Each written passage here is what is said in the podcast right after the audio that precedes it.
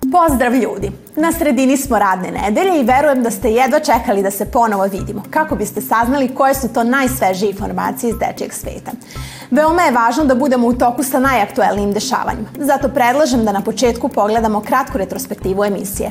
Počinje Dečiji dnevnik. Ja sam Zorana Nikoletić, a tokom današnjeg druženja saznaćete kako izgleda najveće vegansko takmičenje u jahanju konja, kako izgleda prvi drveni ekopoligon napravljen na obali Karlovačkog Dunavca, Najaktuelnije vesti iz ekologije donosi nam naš reporter Ognjen Petković.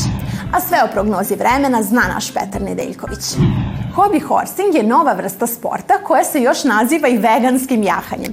Reč je o najvećem takmičenju u jahanju koje podrazumeva da jahači sa drvenim ili plastičnim konjima preskaču različite prepreke imitirajući koljski kas, a uz to izvode i različite akrobacije koje publika potom nagrađaje aplauzom. Ova disciplina najpre se razvila u Finskoj pre desetak godina, ali se vrlo brzo proširila i postala popularna širom sveta, zahvaljujući društvenim mrežama. Da biste postali takmičar u ovoj disciplini, morate posjedovati veliku fizičku spremnost. Na poslednjem ovakvom takmičenju učestvovalo je preko hiljadu i po finaca, ali i ljudi iz drugih zemalja. Na obali Karlovačkog Dunavca napravljen je prvi drveni poligon. Na ovom mestu je pre samo nekoliko godina bilo mnogo polomljenog drveća, od kojeg su vredni volonteri napravili sjajne sprave za vežbanje. Detaljnije o ovoj temi vidjet ćete u priči koja sledi.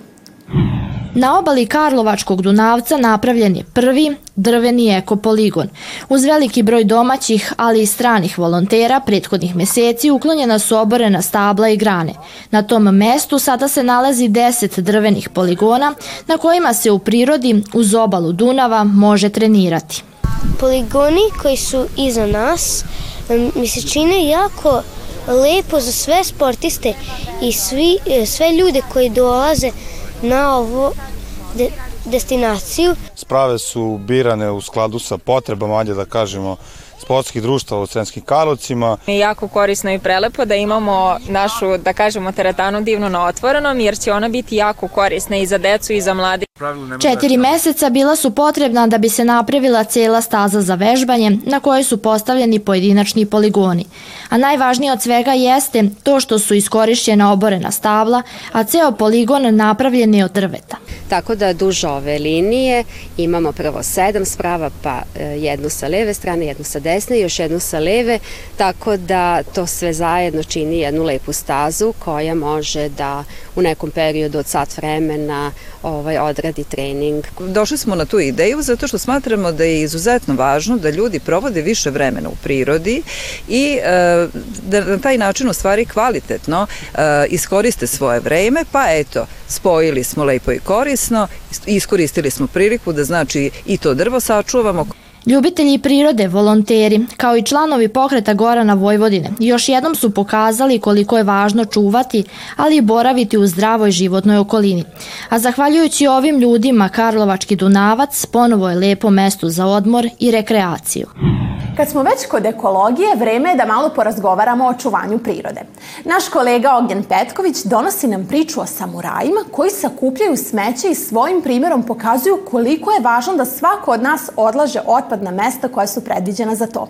Ako još uvek ne znate zašto je to važno, mislim da je pravo vreme da sada saznate.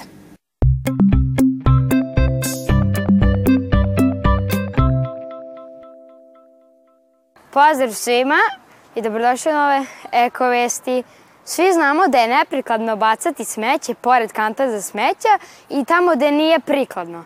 Ali iako mi uz duž naše ulice imamo kante gde je predviđeno da se taj otpad baca, i dalje na ulicama istim tim nalazimo neke flaše i papiriće. Sa, sada ćete saslušati priču o samurajima koji sakupljaju smeće i možda promenite mišljenje o ovoj temi.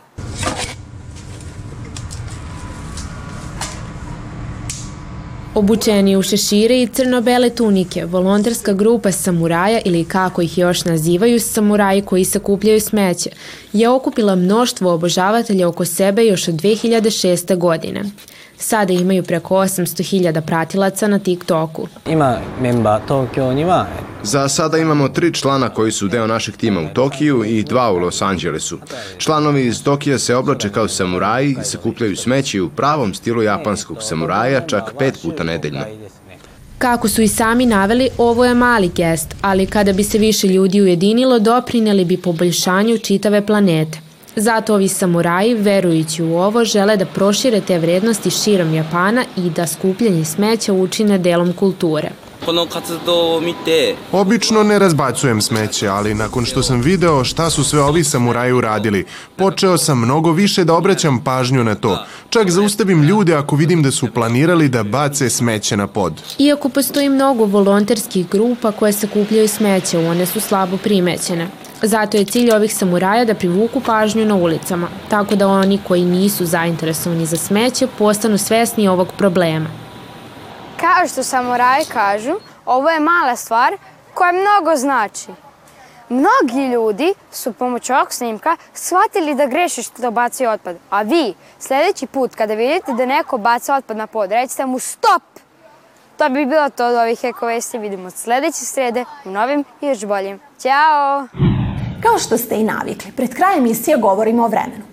Iskreno da vam kažem, ne znam kako će vreme biti sutra, ali znam da će nam kolega Petar Nedeljković reći najpreciznije i najtačnije informacije o vremenskim prilikama. Zato mu sada prepuštam voditeljsku poziciju. Vreme je da saznamo da li će sutra biti lep i sunčan dan ili tmuran i kišovit.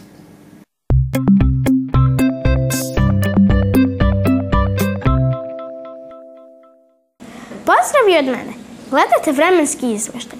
Za sutra su najavili oblačno vreme. Čak je moguće da će ponegde biti i nekoliko pljuskova. Temperatura će biti oko 13 stepeni. Sutra obavezno ponesite kišobrane, a i kabanice, kako ne biste pokisli, a i kako se ne biste smrzli. Nadam se da se uskoro vidimo sa boljim vestima o vremenu.